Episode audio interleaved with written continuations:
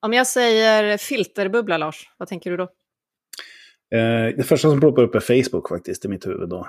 Det är det Mm, som ploppar upp. Det var, ja, men det var i samband med det som jag först stötte på filterbubbla-begreppet. Eller det var en koppling till Facebook.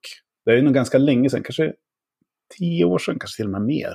Som jag första gången hörde, jag lyssnade på någon amerikan, kommer jag på, som hade en väldigt uppmärksammad video som handlade just om filterbubblan. Eh, och det var där jag först liksom började få ett grepp om det där. Oklart hur Mm, länge vad är det då? Kan du bara kort säga? Vad är en filterbubbla? Det handlar om att algoritmerna som styr flöden i sociala medier, då, som liksom, istället för att vi, Facebook ändrade från att vi fick se allting som det var publicerat i tidsordning, till att försöka lista ut vad är du mest intresserad av och pusha det längst upp i flödet. För det vart för mycket annars för människor att ta till sig, det var för mycket inlägg. Mm. Och i samband med det då så visade det sig liksom att vi hamnar ju på ett spår då, som vi inte kommer ur liksom, när vi tittar på samma sak och så föder algoritmerna oss med samma saker om och om, om igen. Du får din egen världsbild bekräftad hela tiden. Så. Exakt. Ser du några sådana bubblor runt dig i din vardag? I min vardag? Ja, det kanske finns. Det kanske finns både här och där, tänker jag. Ja, Jag hade nämligen en aha-upplevelse bara för några dagar sedan när jag pratade med en eh, partner till oss i jobbet. Och vi Mm. pratade om lärande och så, och så fick jag en aha-upplevelse att oj, nej men, nej men ni, ni pratar inte alls om det här på samma sätt som jag. Och då insåg jag att jag sitter ju såklart i den här bubblan. Den Ja. här lärande bubblan, ja, det är klart att livslångt lärande handlar om det här. Ja. Och det var en sån gång när jag tänkte just på att, ja, vi har pratat om det här när det gäller digitalt och algoritmer, men bubblorna finns ju, har ju alltid funnits. Ja, det har, det har du ju väldigt rätt i. Sen har det digitala förstärkt dem väldigt mycket. Så kan det vara.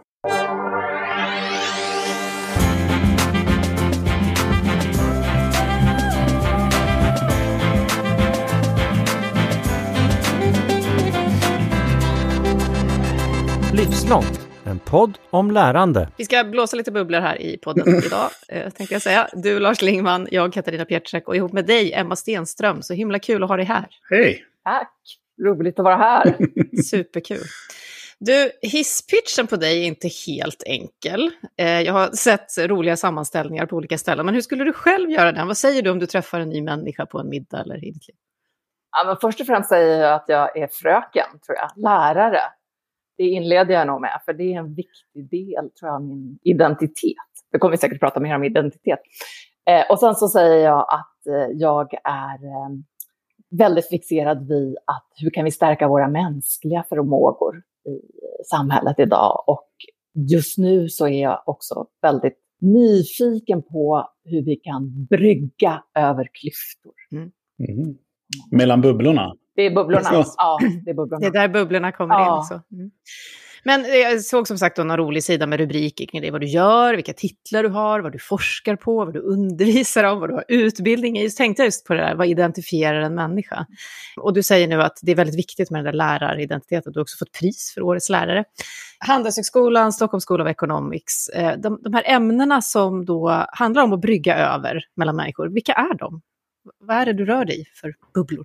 Ja, men jag, Handelshögskolan är ju definitivt en bubbla i sig i allra högsta grad. Och eh, jag, det känns viktigt för mig att inte enbart vara där. Och det känns väldigt viktigt för mig att också ta mina studenter därifrån ut och öppna upp. Det är, jag öppna upp tror jag också är ett nyckelord här. Och möta andra.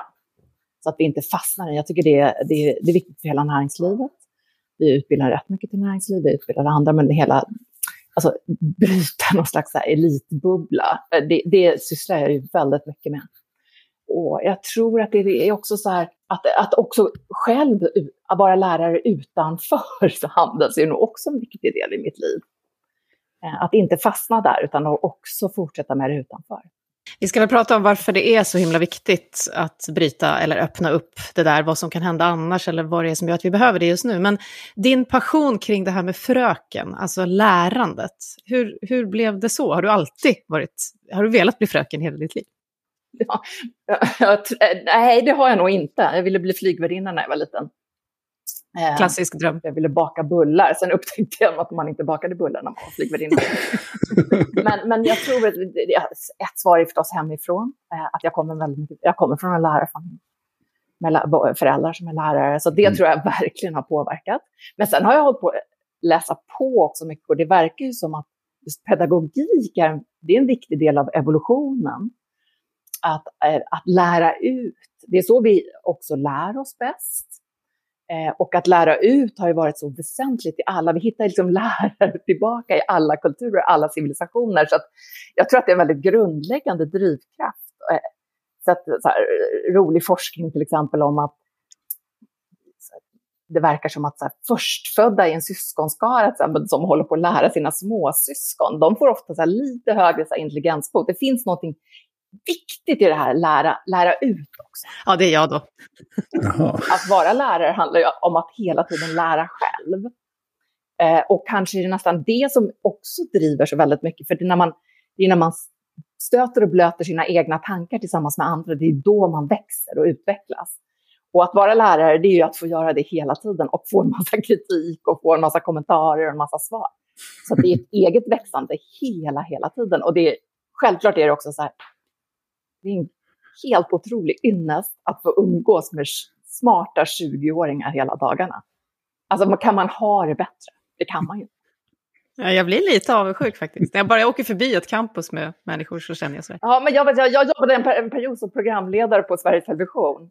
Och det var också så här, sen gick jag tillbaka till att vara lärare. För jag, jag kände att jag saknade så, så mycket just den här, ja, att vara med de här unga människorna hela dagarna.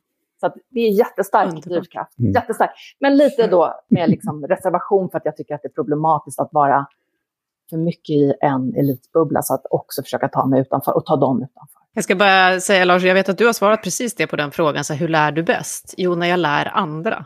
Visst känner du igen det här? Ja, jo, men så är det. Det tog ett tag innan jag kom på det, men jag märkte ju att... Och det, det, det, för mig var det också lite så här att om jag tar på mig att lära ut någonting, då måste jag också ta tag i och lära mig själv inför. Så att det var också lite så för mig på, på, många sätt. Liksom. Ja, men då måste jag, faktiskt, jag måste ju faktiskt veta vad jag pratar om. Så då, ja. Eller hur? Det hör, det hör också. Men jag gör det i mina kurser, att mina studenter, de får ju väldigt mycket på masternivå, då när de har kommit rätt långt, då har jag så här, okej, okay, nu, nu har ni lärt er så mycket och pluggat jättelänge vad är det som ni känner att ni inte har fått och som ni vill ge till era klasskamrater så ni kör kursen? Mm. Det är de som kommer upp med kurslitteraturen, det är de som undervisar och de är ju jätteduktiga på pedagogik också vid det laget när de är på väg ut. Och, och de säger ju själva att de lär väldigt mycket ja. av det här. Både av att lära av varandra men också att precis som Lars mm. där, förbereda på det. Jo, men det, man måste tänka det här, man måste tänka pedagogiskt kring någonting. Jag tror att när man måste fundera, ta, göra de funderingarna om hur någon annan faktiskt ska lära sig så här, det tror jag är ett väldigt kraftfullt inlärningsmoment för alla människor faktiskt. För då sorterar jag mina egna tankar. Jag sätter, jag sätter flöden och trådar i mina tankar om något ämne. På ett sätt som jag kanske inte hade gjort annars. Det är också lite spännande när man jobbar med den här podden och i det här området så blir det snabbt så att folk börjar se en som någon form av så här, trots att jag bara ställer frågor här nästan. du som kan det här med lärande. Och då kommer man till det där, jag kommer till det där momentet. Ja, nu måste jag sortera, vad är det jag har mött i alla de här mötena som gör att jag kan säga att ja, men det här kanske är ett mönster eller det här, så här kanske det ser ut. Väldigt intressant. Ja, och ställa frågor, Katarina, det är ju en annan mm. sak. Där har du också en stor del av lärandet, skulle jag säga. Yes att kunna ställa frågor och formulera frågor. Så att det, mm. du, du gör ju det också, tror jag, genom att ställa frågor. Känns skönt att få det ändå bekräftat. Du, det är många forskningsprojekt som du är involverad i, Emma, som vi skulle kunna göra hela egna poddavsnitt kring. Eh, det är liksom anledningen till att jag tjatar om bubblor här nu plötsligt är att du har ett sånt på gång. Bubble hopping, då att hoppa mellan eller öppna upp. Eh, berätta då, du har redan sagt varför du tror att det här är viktigt, men berätta om vad det är du försöker göra i det här projektet. Ja, det projektet har väldigt många olika delar. Alltså grunden är ju just den här oron över klyftorna och att, att den upplevda sammanhållningen eh, går ner och så. Och det kan vara till exempel, som ett exempel integrationsfrågan. Men det kan vara andra också, klimatfrågan och så vidare. Men det är grunden, så det finns ju ett problem i botten. Eh, och sen så det här babbelhoppandet som är lite så här, kanske lite fånigt begrepp, men också bra för att det fastnar. Eh, det skulle jag säga, det är först och främst kanske en pedagogisk metod. Jag har haft tusen studenter vid det här laget som har hoppat och, eh, och jag har samlat deras erfarenheter eh, på olika nivåer, eh, kandidat, master och eh, vidareutbildning. Också utbildat många lärare i det. Eh, tanken är att det är, så här, det är en väldigt, väldigt enkel metod i botten. den är enkel att förstå, men den är inte enkel att genomföra nödvändigtvis. Och, och jag tycker att det har en poäng. Och sen kan man bygga ut den på lite olika sätt, men väldigt enkelt brukar jag säga så här, jag brukar börja med teori, där vi pratar om så här som filterbubblor som Lars just lärde oss om. Men den typen av frågor, alltså teori i botten. Och sen så börjar vi träna förmågor som Katarinas frågor till exempel, att ställa frågor. Eh, så träna så här frågor som, förmågor som är bra att ha när vi möter andra. Sen så hoppar studenterna ut ur sin bubbla. De gör förstås en analys av hur de tycker deras egna bubbel ser ut och sen hoppar de ut åt alla möjliga håll kan jag säga. Och så kommer de tillbaka och reflekterar över sina möten och också över metoden och över hur man kan berätta om sånt här på ett sätt som inte polariserar. Så, att, så att det har liksom en väldigt enkel så här, raket, eh, brukar vi prata om. Eh, så det är pedagogiska metoden. Jag måste bara fråga, vad kan det vara för hopp? Du sa alla möjliga olika håll. Hur kan ett hopp se ut? ja, men alla, jag har haft lite, jag har lekt med lite olika. Från början så hade jag att jag själv satt upp eh, så att de mötte, det har jag hållit på med i många år egentligen, att möta till exempel då för att vara lite konkret, så kan jag sätta ihop eh, cirkusartister med handelsstudenter. Ja, som ett typexempel. Eh, men nu senaste åren så har jag faktiskt jobbat mer med att de själva, för det blir spännande analyser av deras bubblor. Jag tycker också jag är väldigt nyfiken på vart de hoppar. Och då ser man ju att de hoppar eh, åt, som sagt, alla möjliga håll. Typexempel kan vara om du är politiskt, om du är höger så kanske du träffar någon som är väldigt vänster, eller är du väldigt vänster träffar du någon som är väldigt höger. Eh, religioner, det kan, eh, vi har till exempel haft en sunnimuslim som hoppar till en shia-muslim. Eh, det kan vara att du kanske känner dig väldigt sekulär och går till religion överhuvudtaget. Självklart olika områden. Kommer du till exempel från ett så kallat särskilt utsatt område kanske du hoppar till Djursholm i Stockholm, som är mer överklass. Eh, eller tvärtom. Så det kan ju vara olika yrken, olika kompetenser. Också, det här får inte jag berätta för vår kommunikationsavdelning, men också ibland så här drog, eh, den här knarkhandel, prostituerade mm. och sådana saker som man som lärare ibland kan bli lite uh, rädd för. Men det gör de ju också, får jag lägga till. Eh, så att åt alla möjliga håll och så reflekterar de över det här och så tycker de att det är väldigt spännande och roligt och ibland svårt, speciellt innan. Och det blir väldigt många intressanta diskussioner om maktstrukturer, om instrumentalitet, eh, men egentligen är det här hoppet är bara så för att de ska få något smakprov och för att de ska träna de här förmågorna. Eh, så, och sen så försöker jag ju själv, eftersom jag forskar också, försöker jag försöka fånga upp då, vad är det egentligen de lär sig? Lite djupanalysera de här berättelserna. Och så nu fick vi faktiskt finansiering också för att ta in eh, just cirkus igen, cirkusbaserade metoder. Vi vill också försöka få in saker som inte bara är verbala och göra en systematisk utvärdering om vi kan använda den typen av konstmetoder också i det här för att förstå varandra över gränser. Och sen förstås förstå sammanhanget. Det här är rätt stort skulle jag säga. Det kommer jättemycket forskning på det eh, från andra länder så att eh, vi försöker sätta in det i ett sammanhang också. Och sen gör jag min lilla aktivist, eh, akademisk aktivist. Eh, så här, en liten ideell organisation så att jag försöker precis det här som jag sa tidigare, inte bara undervisa på ett universitet, utan också ha, själv bjuda in eh, via Meetup och sådana ställen. Eh, och där vi jobbat mycket integrationsfrågor eh, till mitt eget köksbord. Där jag lär ut samma metoder. Eh, och varit rätt många som har kommit nyligen till Sverige till exempel och som tycker att det där är intressant och funderar på hur kan vi lära oss. Och då blir det småskaligt, speciellt när det är pandemin. Men man ryms åtta personer runt köksbordet och det ger väldigt mycket tycker jag. Och sen så jobbar jag med kollegor i Frankrike och Tyskland som gör liknande saker, så vi håller på att utbyta erfarenheter. Och sen så ibland så gör jag även inom organisationer. Eh, olika, det kan vara mellan olika avdelningar eller mellan sektorer eller så vidare. Så organisation. Man har ju tusen eh, frågor om det, det är så otroligt intressant. Men jag måste nästan backa tillbaka. Alltså vad, de här, de här studenterna, när de kommer tillbaka från sitt hoppande, liksom, hur brukar det låta? Vad, vad, vad, säger de? Vad berättar de för någonting? Vad, vad tänker de? Vad känner de? Ja, men det varierar ju förstås. Ja. Det beror också lite på nivå. Eh, men jag ska säga att innan hoppet så är det rätt mycket kring... Eh, or, är rätt, en del blir rätt oroliga. Mm. eh, och tycker att det är lite jobbigt. Och hur ska man kunna närma sig? Och hur kan jag, men jag, för mig handlar det mycket om att försöka väcka nyfikenhet. Så här, och hur kan vi väcka nyfikenhet? Eh, sen ska de hoppa, eh, det finns ju en miljon exempel, eller i alla fall tusen. Men eh, till exempel då, så att jag, hade, jag har internationella studenter. Jag hade till exempel då en tysk som eh, hade vuxit upp i en stadsdel eh, där det bodde väldigt många turkiska invandrare, 40 procent. Men hade levt väldigt så här parallellliv egentligen och egentligen inte riktigt pratat med någon av de här. Och så tog då tillfället i akt att äntligen liksom träffa och prata och jämföra erfarenheter, hur det var att växa upp i den här stadsdelen och, och liksom så här vad man hade gått och, och skrev om det och tyckte att, att liksom just att få upp ögonen för att även om vi har levt på samma plats så har vi haft så olika liv. En annan student som kom från ett, eh, en, en förort till Stockholm, så kallat särskilt utsatt område, som också gjorde, hoppade tillbaka, själv går på Handels, men hade någon som hade hamnat just i gängkriminalitet, aktuell fråga idag, och gick tillbaka för att fråga hur kunde vi som växte upp tillsammans också på samma ställe, vi hade våra föräldrar umgicks, vi kom från, våra föräldrar kom från samma land, vi var liksom i samma gäng, men du började sälja droger och jag går på Handels. Hur kan det komma sig? Så det kan mm. vara den typen. Mm. Och då, när de kom tillbaka, då får vi också så här, då delar vi ju med oss allihopa. Ja. Så det är inte bara att man har sin egen berättelse, då får man ju alla andras berättelser också. Det är, det är faktiskt helt fantastiskt. Det är... måste ju väcka enormt mycket känslor också hos de här studenterna. Ja. Mm. ja.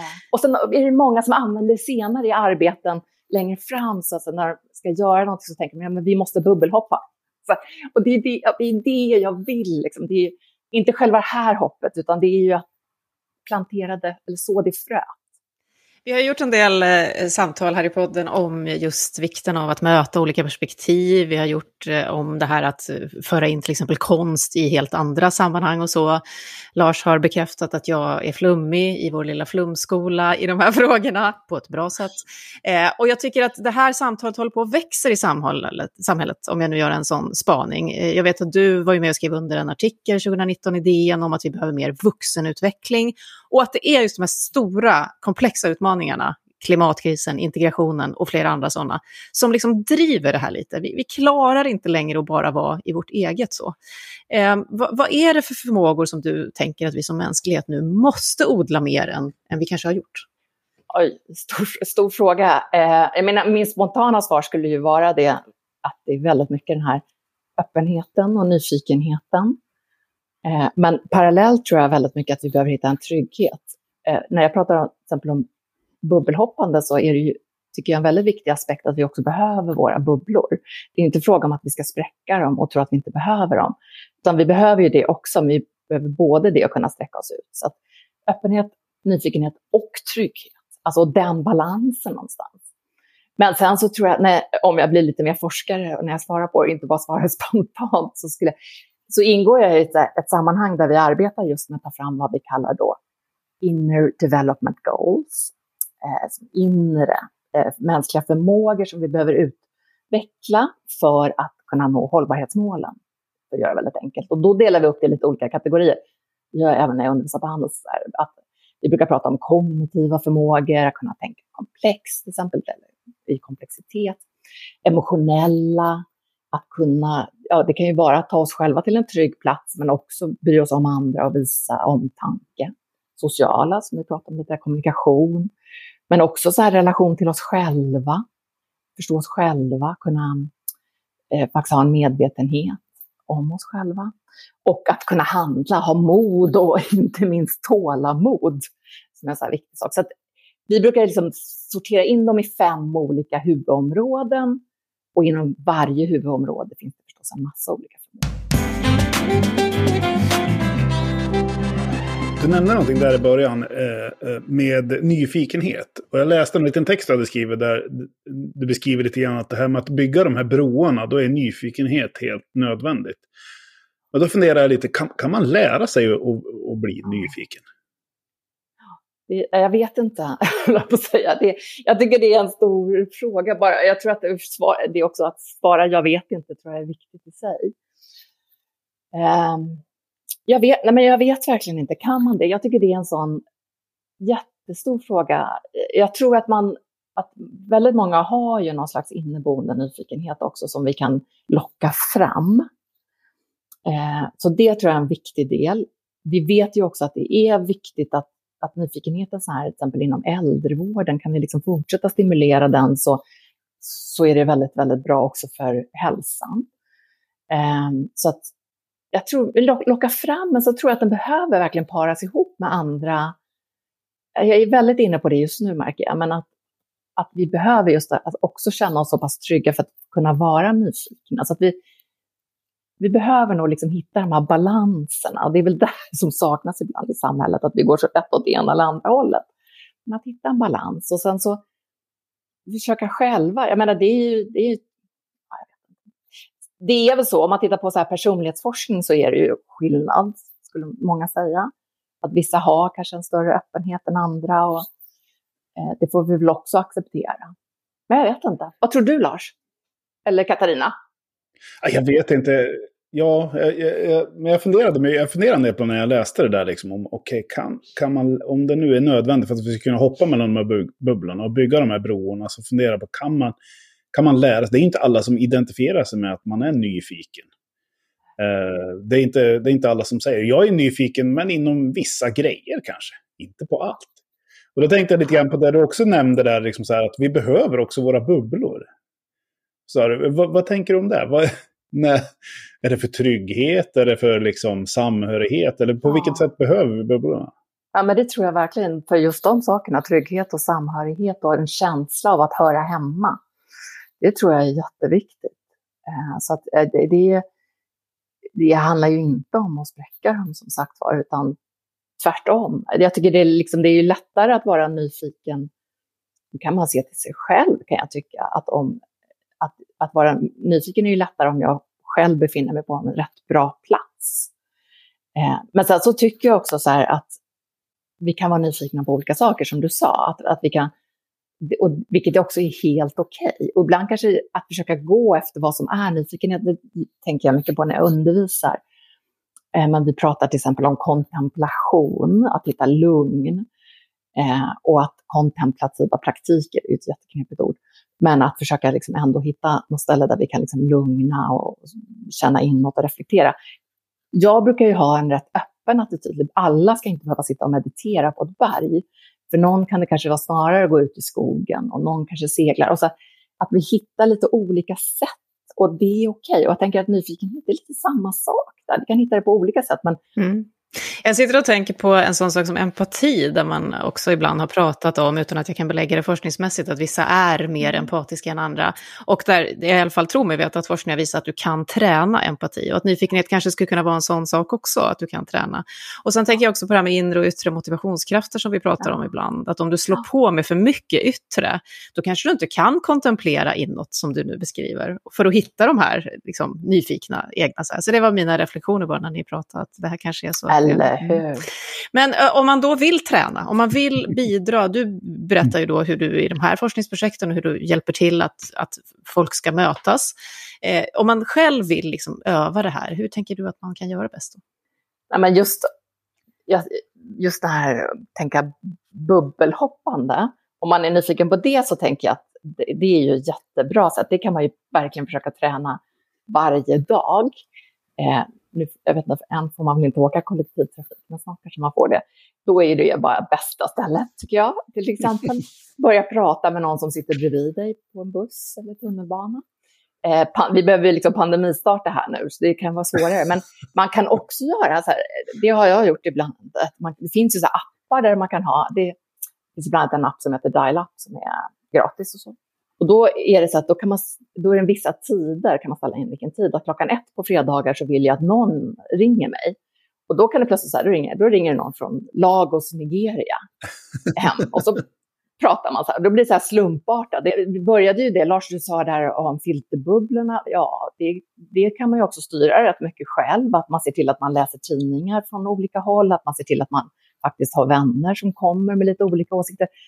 Jag försöker jobba jättemycket med det. Så här, att också så här om jag blir arg på någonting. För det är klart, jag, jag är ju liksom i någon bubbla som också där öppenhet ska vara så viktigt. Men vi är inte så toleranta mot de som inte är öppna alla gånger. Um, så att, att också den här medvetenheten om sina egna är ju rätt viktig.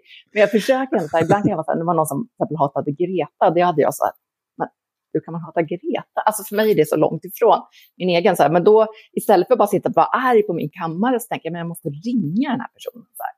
Då ringer jag upp och så pratar vi så här, och försöker förstå, vad är det, varför hatar du Greta? Och, sen, och då fick jag faktiskt en helt annan, här, mycket mer nyanserad bild förstås än man har fått i något flöde någonstans. Så den typen, alltså det här, det jag, eh, men jag gör ju det här väldigt, väldigt mycket. Jag försöker göra det själv och det här kan ju alla göra. Och det, jag tänker att det ger mycket, men det kan också vara, vi tycker ju alla om, eller gör vi inte det? Det kanske inte gör. Möten men, men där, lite små, lite, alltså det handlar om ett civiliserat samtal, ett respektfullt samtal. Men då tycker jag vi kommer till det där som du sa förut, att, att ställa frågor är en teknik. För det du också måste göra, förutom att ställa frågor verkligen, och eh, ja, utifrån dina perspektiv för att möta någon annans, det är ju att lyssna. Jag vet inte hur många du känner som du tycker verkligen lyssnar. Ja, det är ganska få ändå, tycker jag, som, som verkligen orkar det i olika samtal. Ja. Hur är man en bra lyssnare i de där situationerna? Tränar, tränar, tränar. Hur? ja. Men man kan ha lite enkla tips. Ett, ett litet så tips på, på, i kollektivtrafiken till exempel, då, som jag slår ett slag för här. Det är ju att om du börjar prata med någon, loopa tillbaka. Det kan man ta vid alla tillfällen.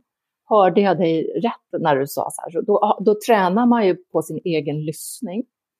Eh, man, jag har en liten modell som vi använder både i bubbelhoppandet som kommer från Otto Scharmer via MIT, men jag tror han har tagit det någonstans, någonstans ifrån från början. Eh, men där har vi, pratar vi så om fyra nivåer av lyssnande. Där den första typen av lyssnande är att, att vi bara lyssnar efter det vi redan vet, bekräftelse på det vi tror. Eh, och den andra nivån är när vi börjar lyssna efter något nytt som vi inte visste. Eh, tredje nivån, det är när vi börjar lyssna empatiskt och försöka sätta oss in i den andra personens skor. Och fjärde nivån, det är när vi börjar lyssna efter så här, vad som växer fram, gemensamma nya lösningar tillsammans på saker, generativt. Eh, och den där lilla enkla modellen, den är jätte, jättebra. Och den tycker jag man kan träna på jag brukar, det går ju sådär, men jag, man kan till exempel träna på det med, om man har ett bråk hemma med en, eller med någon kompis eller med sin partner eller barn eller vad det än månde vara. Då kan man prova, kan vi prova att försöka lyssna lite, lite så här, inte bara, det är väldigt lätt att gå in i bekräftande, speciellt om man är arg. Så det här, ta, liksom, fördelen med de här mänskliga förmågorna, det är ju att alla relationer skapar möjlighet och, och de här förmågorna, de kan vi träna på. Det behöver vi inte hoppa utanför vår bubbla egentligen. Det kan vi träna på i alla möten. Så lyssnandet, ja.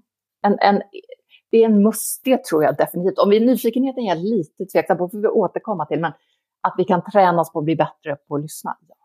Jag brukar ibland prata om att jag hade en sån här upplevelse när jag var programledare, precis som du också har varit, eh, och sen utbildade mig till coach och förstod hur mycket av den egna kartan som finns med när du ställer frågor. Att du går via dig själv hela tiden. Och som journalist så bestämmer du vilken fråga som är bra. Helt omöjligt om du ska lyssna och följa någon som det ska hända någonting för. Då, så att säga. Eh, det här med kraftfulla frågor, som ju då är ett av mina favoritområden som du redan har räknat ut. Eh, kan vi träna också på det? Ja, absolut, svarar jag. Vad, tror, men vad, vad, vad tänker du? Du säger ditt favoritämne. Då blir jag nyfiken på, vad skulle du säga om frågor? Vad är en kraftfull fråga? Ja, det, det finns ju så spännande övningar man kan göra när, när eh, jag ställer frågor och så de som får frågan svarar inte på frågan och bara visar hur mycket frågan tar inom dig. Hur mycket ny tanke, hur mycket nytt perspektiv får du av frågan. Och första gången jag gjorde den var fruktansvärd. För att du då förstår att du sitter och försöker tänka ut den smartaste möjliga frågan och den gör ingenting för personen du ställer mm. frågan till. Så jag har ju då eh, tänkt väldigt mycket på att vara den som frågar och, att, och övat mycket på att försöka följa med. Det är egentligen det som är min, min övningsresa. Att försöka följa, ja, följa Det är så spännande tycker mm. jag. Jag tycker det är jättespännande och jag, jag, alltid, jag beundrar, jag är rätt dålig på att ställa frågor själv. Så att jag måste verkligen träna, träna, träna på det. Jag brukar ha en sån här liten enkel modell som jag både så här, slänger ut på middagar och andra tillfällen. Men att vi ska försöka hitta någon slags balans mellan att lyssna, fråga och dela. Eh, min sambo är gammal journalist. Han är jättebra på att fråga och rätt bra på att lyssna. Usel på att dela.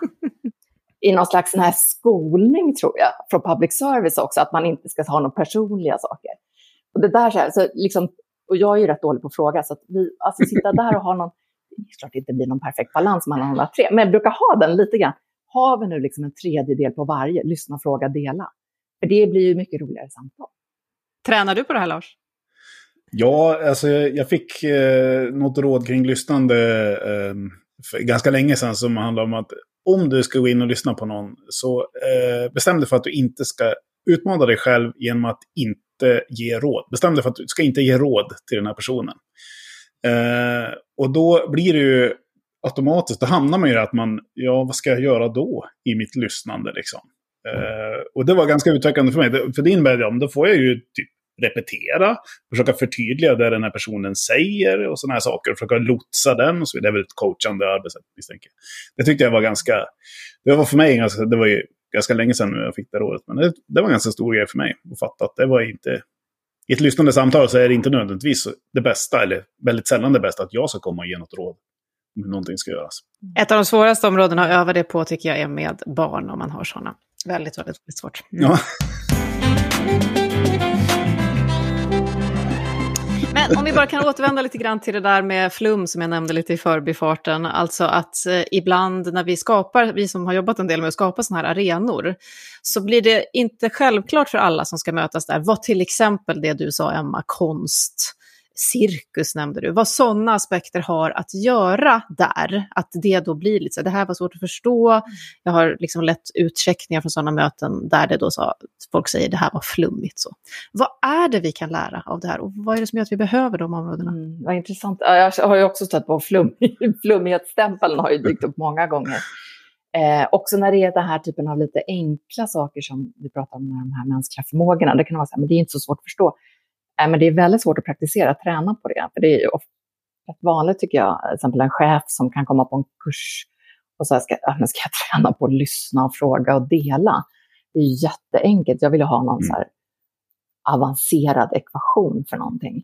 Eh, ja, men vad har du problem med på jobbet? Då är det ofta just lyssna, och fråga, dela.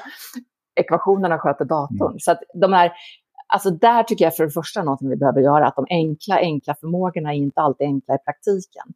Utan de, och vi behöver träna konstant.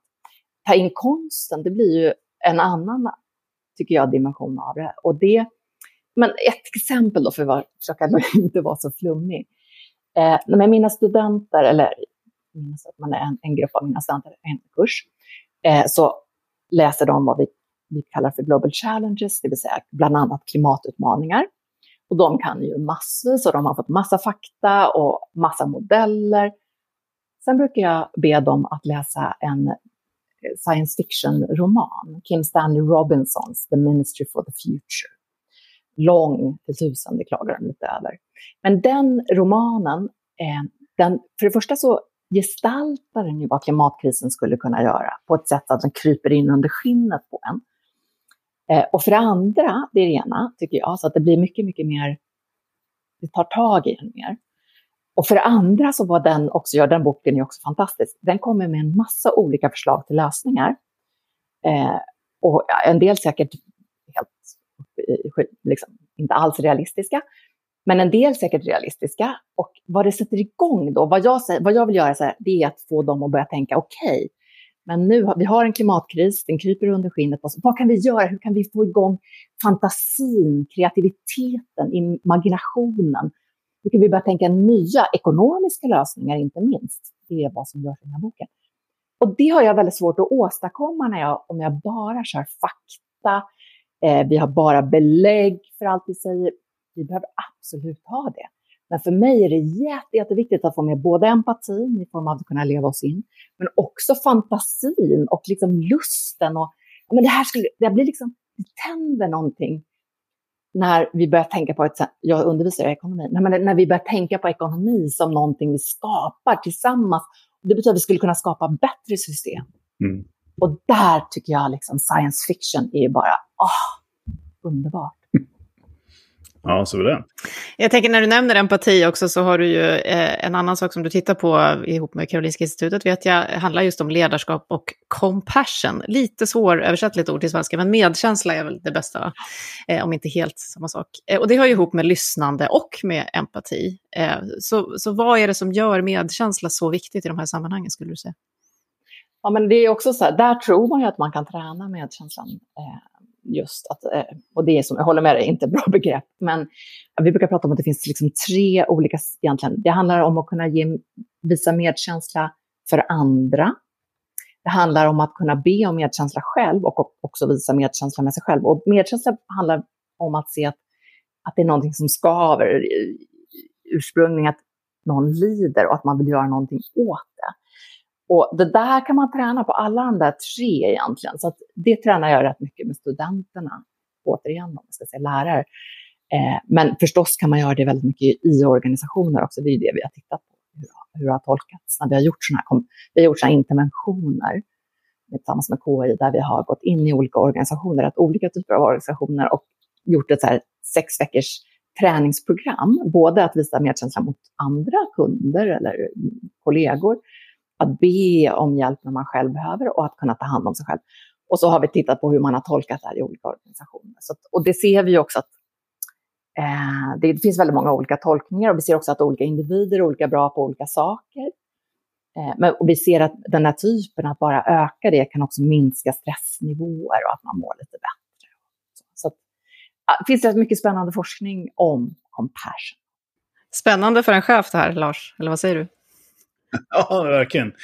Jag blir också väldigt intresserad av vad det är att jobba cirkusbaserat eh, som ledare. det, kommer, det, det är svårt att ta i en podd. För det är ja, väldigt fysiskt och det är väldigt ja, visuellt. Men det är underbart. Cirkusen är det bästa, Lars. Vi kommer att testa på dig. Snälla, gör det. Det blir det, det, del två, tänker jag. Jobba cirkusbaserat. Det låter som någonting riktigt spänstigt. Jag tänkte en grej som jag tänkte vi ska bara ska... För mycket av det du pratar om, det här samspelet mellan människor och utbytet mellan oss och så vidare och hur vi samspelar med varandra. Det har ju varit rejält utmanande det senaste ett och ett halvt året. Liksom. Nu är vi på väg in i en situation där det kanske ser ut som att vi ska komma tillbaka till normalläge igen. Liksom. Men vad, tror, vad, tänker du om det här nu när vi går tillbaka? Vad, tror du, kommer vi att, vad kommer vi att bära med oss? Vad tror du blir viktigt nu? Har vi lärt oss någonting på den här liksom, ett och ett halvt års resan? Det är svårt att säga. Man, man, eh, man vill ju gärna tro det, för det känns ju som att det en, finns en, en meningsfullhet i det om vi har lärt oss saker. Eh, och kanske framför allt har vi kanske lärt oss vad som är mer meningsfullt. Det skulle några av mina kollegor hävda. Mm. Det är kanske där vi har fått de eh, största aha-insikterna och förstås att vi har ökat på sådana saker som digitaliseringen. Och jag hoppas hoppas, hoppas, hoppas. Jag är lite så här optimistiskt lagd, tror jag. Så att jag tror att vi kanske ändå hittar lite bättre sätt att arbeta och kan hitta lite bättre balans i våra liv via de här bättre sätten att arbeta. Jag tycker det har blivit så väldigt tydligt. Jag, jag, ett exempel var att jag skulle skapa ett nytt program tillsammans med kollegor. Och vi har suttit på Zoom sedan i kanske april och hållit på med det här nya programmet. Alltså vidareutbildningsprogram. Och sen så träffades vi första gången nu för två veckor sedan fysiskt. Och bara kastade ut allt vi hade gjort nästan sen april. Och gjorde ett helt nytt program på två timmar. Och det var helt fantastiskt att se. Jag såg då mig själv. Vi gick runt i rummet och så här, ja men då kommer man in här så går man igenom de här olika modulerna. Då blir det liksom för jag tror ju väldigt mycket på att lärande är så, så fysiskt också. Embodied. Kroppsligt, sinnligt. Eh, och då känner jag att de där lägena, de behöver vi verkligen träffas fysiskt. Men där, så att vi hittar ett sätt, där gör vi det. Och så kan vi ha korta avstämningsmöten digitalt. När vi inte jobbar det här kreativa, sociala. Och där kunde vi bli mycket mer effektiva. Det blir jättebra, tänker jag. Mm. Så att hitta nya rytmer, alltså rytm tycker jag är viktigt, viktigt faktiskt också, så här, apropå det här konsten och det kroppsliga. Men jag tror ledarskap och organisationer handlar mycket om sånt. Eh, och där tror jag vi kan, kan ja, om vi sätter oss ner och tar samtalen och sen experimenterar och utvärderar och prövar, då finns det ju jättemycket vi kan lära. Och jag tycker, vi har ju fått, jag, eh, jag vet inte vad ni säger, jag tycker det har varit förfärligt. Jag har inte alls trivs under pandemin. Det passar inte alls min personlighet. Eh, jag tycker just det här har varit svårare, mycket svårare att träffa nya människor till exempel, vilket jag tycker är väldigt roligt.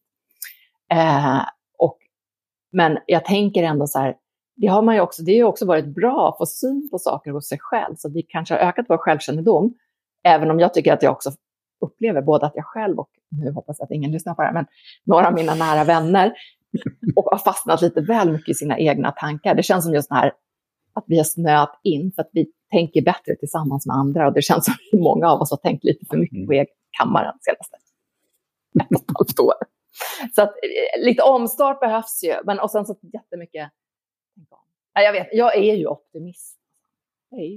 Och det är väldigt inspirerande och eh, också att få höra de här olika forskningsingångarna kring det här då som annars ibland kanske i vissa bubblor har avfärdats just som flum som vi sa då. Det, det är en, I min bubbla så känns det bra att det växer, den typen av eh, underbyggnad på det här området. Då. Men du, fröken Stenström då, Eh, vad, vad, gör du själv i ditt liv förutom att utmana studenter och så? Vad gör du för att eh, hoppa till andra bubblor? Eh, jag försöker verkligen medvetet göra det så här, nu är det helg, vad ska vi hitta på, vart ska vi hoppa?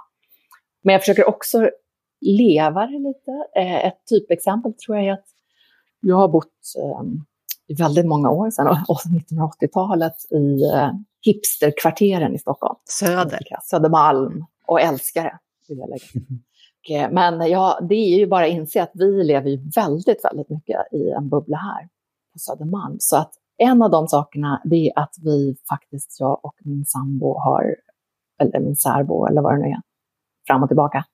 Vi har nu eh, faktiskt flyttat ut delvis, kommer flytta ut helt från om ett par månader, till eh, ett särskilt utsatt område, Husby, Stockholm ett av de områden som vi läser mycket om i tidning. Gängkriminalitet och eh, hög arbetslöshet och eh, stor invandring. Gjort det för att försöka förstå, för vi, vi är båda väldigt upptagna av att integrationsfrågan känns oerhört väsentlig. Det här är P3 Dokumentär. Och flytta dit har varit som en, ja, ett försök för mig att förstå. Jag kommer fortfarande Absolut, jag är fortfarande kvar på Handels. Jag är liksom fortfarande kvar väldigt mycket i det sammanhanget. Men det, det känns viktigt att kunna förstå bättre. Det var igår kväll som polisen fick larm om att en man beväpnad med en macheteliknande kniv gått runt och uppträtt hotfullt i ett bostadsområde i Husby, nordvästra Stockholm. Alltså det lät som smäller och jag hade aldrig hört pistolskott innan så jag kunde inte relatera till det ljudet. Att man ser att det är som tryck, så att, att gardinerna och eh, fönsterrutorna gungar. Vi måste få hjälp för sjutton. Det tycker jag redan nu då, att det, ju, det blir som en otroligt mycket mer nyanserad bild av att själv bo i Husby. Och jämfört med vad man läser om i medierna. Eh, och nej, jag är inte rädd för skjutningar. Jag är betydligt mer rädd när jag cyklar på Södermalm, kan jag säga. Men det är såklart att det är ett stort problem och att det är såklart att det finns massa problem att komma till rätta med. Men det är också väldigt tydligt att det finns också massa möjligheter och det finns också en väldigt mycket mer nyanserad bild. Och det är väl det som nästan händer när man hoppar i bubblor så på det sättet och liksom tar sig från sin, liksom där man har varit väldigt länge. Så här. Då, då blir det också ofta, jag tycker ofta det blir mycket mer komplext när man är på en plats. Och det blir lättare att se komplexiteten, att det är inte så enkelt som beskrivs. Och sen återstår fortfarande att se vad vi kan göra mer, men det, det är ju en stor fråga. Det är verkligen, för mig är det, det, det är det jag vill jobba med. En annan sak jag gör som också är så här, inte handelsfröken-artat tror jag, som jag började med för några år sedan. Jag är feminist och jag är, är forskare. Och då tänkte jag, men vad, vad, kan man göra för att utmana sig? Då började jag dansa burlesk, som handlar om, eh, man ska alltid ta av sig. Alltså det är en del, jag började dansa när jag, bodde, jag var på sabbatical i Kanada där började så det var neoburlesk. Eh, det ingår alltid moment av striptease. Det kändes inte helt självklart för mig som svensk feminist att ge mig in i den sfären. eh, och jag upptäckte att amen, det här är ju något som förlösande. Man leker med alter egon, apropå bubbelhoppare. Man leker med alter egon. Man tar inte helt på allvar. Det är liksom en distans, det är ett skämt. Och samtidigt så gör man saker och ting lekfulla och man tar makten över och jag bara älskar det. Det är liksom, men det är lite bubbelhoppande från Handels. Och, eh, feminismen på Södermalm. Man blir ju nyfiken när, vad dina kollegor känner eller tänker om det här. Så. Eh, det är utmanande och eh, jag tycker att det hörs när du pratar om det här att du också gör det. Att du lever det. Det är så lätt att prata om sådana här saker och, och inte eh, göra dem själv.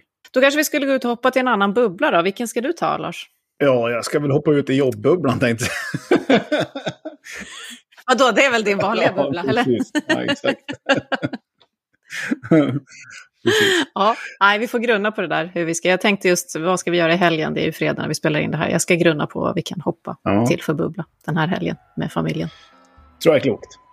Tack för ett grymt spännande samtal eh, och inspirerande Emma Stenström. Och eh, för att inte stoppa dig då i en enda bubbla så räknar jag igen upp det där du gör. Skriver, läser, forskar på olika saker, utmanar, föreläser, undervisar, yogar, vilket vi delar, mediterar, pluggar buddhistisk psykologi, så är jag någonstans, och då dansar. Och lite cirkus. Tack så mycket. Och lite cirkus. Tack. Hej då. Tack, hej! Du har just hört Livslångt, en podd från RISE om allt det där man lär sig i livet. Vi hörs om en vecka igen.